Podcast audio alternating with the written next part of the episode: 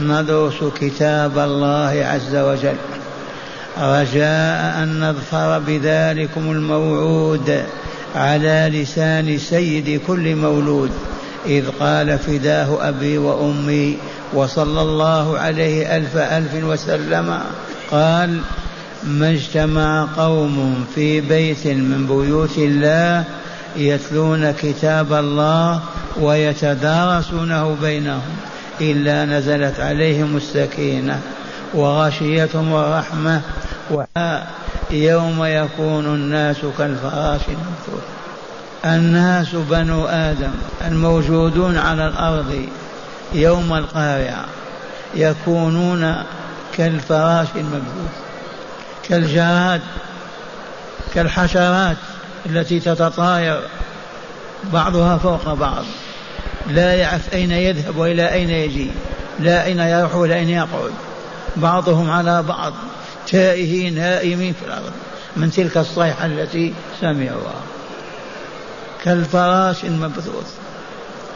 الناس الإنسان ذو العقل الإنسان السائد الإنسان الذي عاش دهرا هو أفضل من سائر المخلوقات والحيوانات في الأرض. ومع هذا يذهب عقله. ولا عقل له أبدا. من الفزع وشدة الهول. الإنسان والعياذ بالله تعالى يكون كالفراش المبثوث. البشرية تصبح كأنها جراد بعضها فوق بعض كغوغاء الجراد والحشرات. يوم يكون الناس كالفراش المبثوث. الناس كما علمتم أن الإنس لا الجن الناس ذرية آدم من ذكر وأنثى.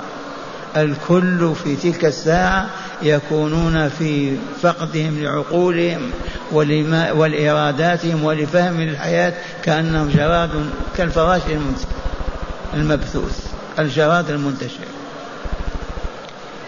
وتكون الجبال الضخمة العالية الراسخة والجبال ما أكثرها في العالم إذ هي عبارة عن أوتاد للأرض حتى لا تميد. الجبال جعلها الله أوتادا للأرض تمسكها حتى لا تميد. لولا الجبال تميد وتضطرب وتسقط وما يبقى على ظهرها أحد. الجبال رواسي والله كالأوتاد التي تشد الغيمة. هذه الجبال تكون كماذا؟ كالعهن المنفوش. والعهن الصوف الأحمر والأبيض الذي يصبغ والمنفوش الذي يضرب بالعصا لينتشر. الجبال تتحلل تتشتت. كالفراش المبثوث كالعهن المنفوش كالصوف الذي يضربه صاحبه بالعود حتى يتحلل وجهه فهي تتحلل كذلك. معها صخورها وما فيها من أعلاء الأرض تذوب ذوبان وتتحلل وتكون هباء منثورا منبثا. إذا وقعت الواقعة ليس لوقعتها كاذبة خافضة رافعة إذا رجت الأرض رجا وبست الجبال بسا فكانت هباء منبثا. إذا وقعت الواقعة قامت القيامة والله ليس لوقعتها كاذبة. خافضة رافعة إذا رجت الأرض رجا وبست الجبال بسا فكانت هباء منبثا. هكذا وتكون الجبال كالعهن المنفوش. فأما من ثقلت موازينه الموازين جمع ميزان. واعلموا يرحمكم الله أن أعمالنا والله محصية علينا ومدونة ومكتوبة في كتب. ومعنا في كل يوم ملكان في الصباح وملكان في المساء.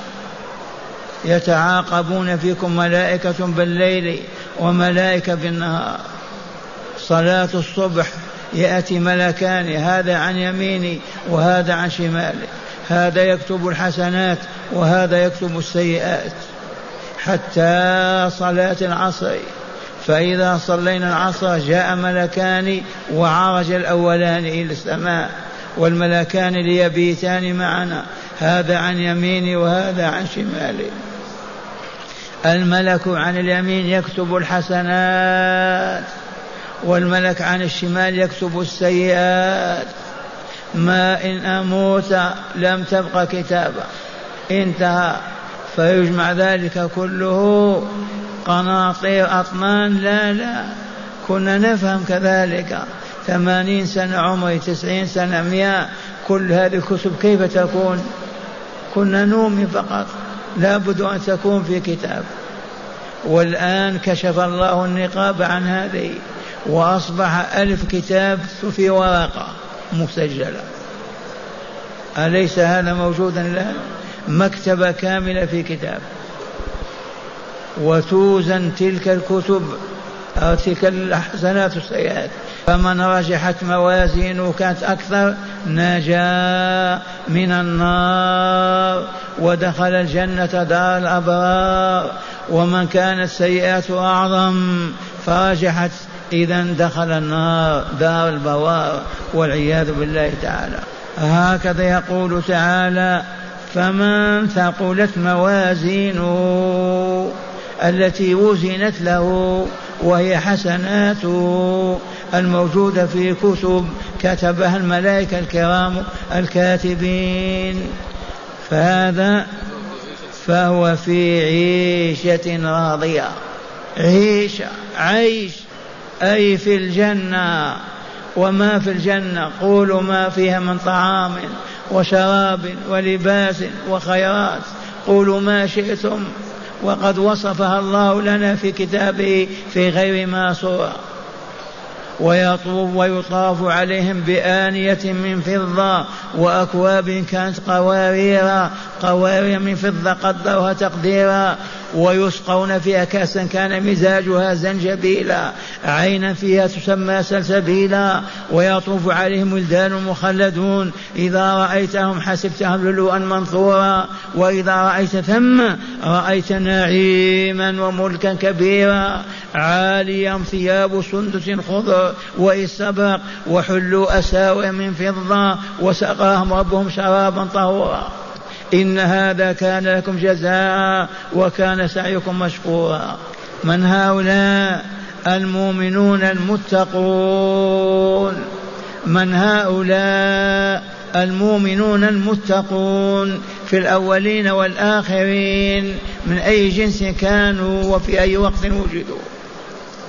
المؤمنون المتقون أولياء الله يورثهم دار السلام وينزلهم فيها ويكرمهم إكراما لا يعرف مداه أبدا.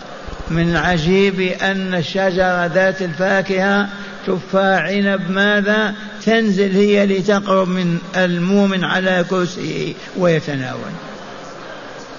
سبحان الله العظيم. الكرسي عليا في السماء. يتنازل لما تأتي يهبط حتى تركب عليه تجلس فوقه. قولوا اللهم اجعلنا من أهل الجنة. اللهم اجعلنا ووالدينا من أهل الجنة. اللهم اجعلنا ووالدينا من أهل الجنة. يا رب العالمين. فمن ثقلت موازينه فمن ثقلت موازينه فهو في عيشة راضية مرضية. هذه العيشة هذه وصفها الله كما سمعتم لنا. الجنة وما فيها من النعيم المقيم من طعام وشراب وكساء وحياة خالدة أبدية. والله ما في الجنة مرض أبدا ولا كبر ولا ولا أبدا ما هي إلا يدخلونها إلى الأبد بلا نهاية. يأكلون ويشربون وينكحون ولا يصومون ولا يصلون ولا يرابطون ولا يجاهدون أبدا. لأنها دار الجزاء. عملوا في هذه الدنيا. صاموا وصلوا ورابطوا وجاهدوا وأنفقوا واعتكفوا و و و و. الجزاء أين هو؟ الجزاء في دار السلام. الجنة دار النعيم المقيم. الدنيا دار عمل والله العظيم. والجنة والآخرة دار جزاء والله العظيم. هذه الحقيقة ما ننساها أبدا. الدنيا هذه دار عمل ما دار له ولا لعب. أبدا دار عمل ليل نهارا والدار الآخرة دار جزاء. فمن كان عمله عملا صالحا زكت به نفسه وطابت وطهرت كانت الجنة مأواه ومثواه. ومن كان عمله باطنا وشرا وشركا وكفرا وفسوقا وفجورا فخبث نفسه فدسها وعفنها فالجزاء والله إنه النار وبئس المصير.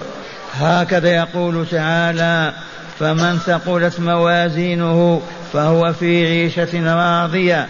وأما من خفت موازينه ما في لا قنطار لا ربع لا كيلو. موازينه الحسنات خفيفة ما فيها شيء. والكفة التي فيها السيئات رجعت رجعت كفة السيئات. فهذا أين مصيره؟ هكذا يقول تعالى وأما من خفت موازينه فأمه هاوية. الهاوية إنها النار دار البوار. وهي أم من؟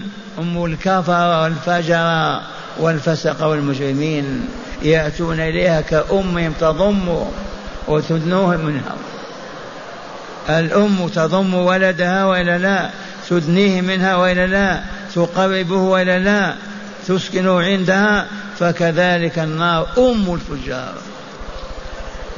النار وإذا قلنا النار عالم عالم كامل ماذا نقول فيه؟ دائما نقول انظر إلى الشمس فوقكم أكبر من الأرض بمليون ونصف مليون مرة. هذه الشمس موجودة عندنا ولا لا؟ فكيف بالنار عالم لا حد له أسفل السافلين. وعرفنا أن أصحاب النار أضراسهم كجبال أحد. العرض والله 135 كيلو. لقول الرسول صلى الله عليه وسلم ضرس الكافر في النار كجبل أحد. هكذا أخبر أبو القاسم فداه أبي وأمي وصلى الله عليه ألف ألف وسلم. ضرس الكافر في النار كجبل أحد. وما بين كتفي الكافر كما بين مكة وقديد. 135 كيلومتر. ويعيشون فيها أبدا. والله لا يموتون أبدا. يبقون هكذا بلا نهاية. سبحان الله العظيم. سبحان الله العظيم. سبحان الله العظيم. الذي خلقنا الآن أحيانا رزقنا عمرنا أعمارا ثم يتوفانا يوجدنا مرة ثانية من أجل أن نتلقى الجزاء على عملنا هذا. الدنيا دار عمل اعملوا فسيرى الله عملكم ورسول المؤمنون. والدار الآخرة دار جزاء فقط ما في عمل. وأما من خفت موازينه فأمه هاوية أي جهنم اسمها الهاوية ما يهوون فيها ويسقطون. وما أدراك ما هي أصلها وما أدراك ما هي لكن زيدت الهاء لتتناسب مع سياق الآيات. ما هي؟ وما أدرك يا رسول الله ما النار؟ ما هي الهاوية هذه؟ نار حامية وما أدراك يا رسولنا ما هي؟ إنها نار حامية. هذه النار هذا أبو القاسم صلى الله عليه وسلم في صحيح البخاري. يقول ناركم هذه جزء من تسعة وستين جزء من نار جهنم. نارنا هذه التي نطبخ عليها ونستدفي بها هذه النار التي تحرق ونهرب منها جزء من ستة, وسبع ستة من تسعة وستين جزء من نار جهنم.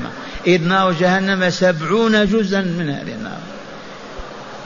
نار جهنم ذلك العالم في شدة حرارتها ولهبها سبعين جزء من هذه النار.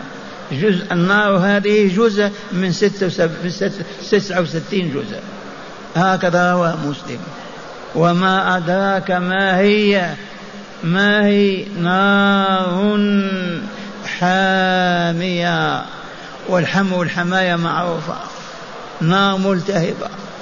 نعوذ بالله من ذلك. هكذا قررت هذه الآيات عقيدة البعث والجزاء يوم القيامة. يوم القيامة يوم آتي لا محالة وهو القارعة ما القارعة والناس صنفان مؤمنون وكافرون فجار وأبرار. توزن أعمالهم من نجح دخل الجنة ومن خاب دخل النار. والله تعالى نسأل أن يقينا والمؤمنين من عذاب النار. مع هداية الآيات. بسم الله والحمد لله والصلاة والسلام على رسول الله صلى الله عليه وسلم. من هداية هذه الآيات أولا تقرير عقيدة البعث والجزاء. من هداية هذه الآيات القرآنية تقرير عقيدة البعث والجزاء يا معاشر المؤمنين والمؤمنات. أركان الإيمان ستة وإلا لا الركن الخامس هو الإيمان بالبعث الدار الآخرة. أركان الإيمان ستة وهي أن تؤمن بالله وملائكته وكتبه ورسله واليوم الآخر. هو الخامس وإلا لا؟ والقدر خيره وشره. ومرة ثانية واعلموا أن الذين لا يؤمنون بالدار الآخرة لا خير فيهم والله شر المخلوقات. ولا يعول عليهم ولا يوثق فيهم أبدا ولو كان أباك أو أخاك. إذا كان لا يؤمن بالدار الآخرة والجزاء فيها لا تعول عليه ولا تنظر إليه. ومن كان يؤمن بالدار الآخرة يستقيم ولو عوج يوما استقام الدهر لأنه عرف أنه يجزى بعمله ويحاسب عليه. نعم. ثانيا التحذير من أهوال يوم القيامة وعذاب الله تعالى فيها. من هداية الآيات ماذا؟ التحذير من أهوال يوم القيامة. بيان أهوال يوم القيامة ليفزع المؤمنون فيستقيمون ويبتعدون عما يخبث نفوسهم من الذنوب والآثام. ثالثا تقرير عقيدة وزن الأعمال صالحها وفاسدها وترتب الجزاء عليها. من هداية الآيات تقرير أن أعمالنا توزن. شرها وخيرها حسناتها وسيئاتها. ومن نجح فاز دخل الجنة ومن رأس بالك والعياذ بالله أعمالنا توزن. إن كانت حسنات ففي كفة أو ميزان وإن كانت سيئات في أخرى مقابلة. فإن رجحت الحسنات نجا صاحبها. وإن رجحت السيئات هلك صاحبها. رابعا وأخيرا تقرير أن الناس يوم القيامة فريقان فريق في الجنة وفريق في السعير. إيه نعم. تقرير حقيقة وهي أن الناس يوم القيامة فريقان صنفان صنف في الجنة وصنف في النار. أبيض أسود كافر مؤمن الكل موجودون على صعيد واحد. أهل الإيمان والعمل الصالح عن اليمين أهل الشرك والفسق والفجور عن الشمال ثم أهل اليمين إلى الجنة وأهل الشمال إلى النار والعياذ بالله تعالى. نستمع الآية مجودة أيضا. أعوذ بالله من الشيطان الرجيم. بسم الله الرحمن الرحيم. القارعة ما القارعة؟ وما أدراك ما القارعة يوم يكون الناس كالفراش المبثوث وتكون الجبال كالعهن المنفوش فأما من ثقلت موازينه فهو في عيشة راضية وأما من خفت موازينه فأمه هاوية وما أدراك ما هي نار حامية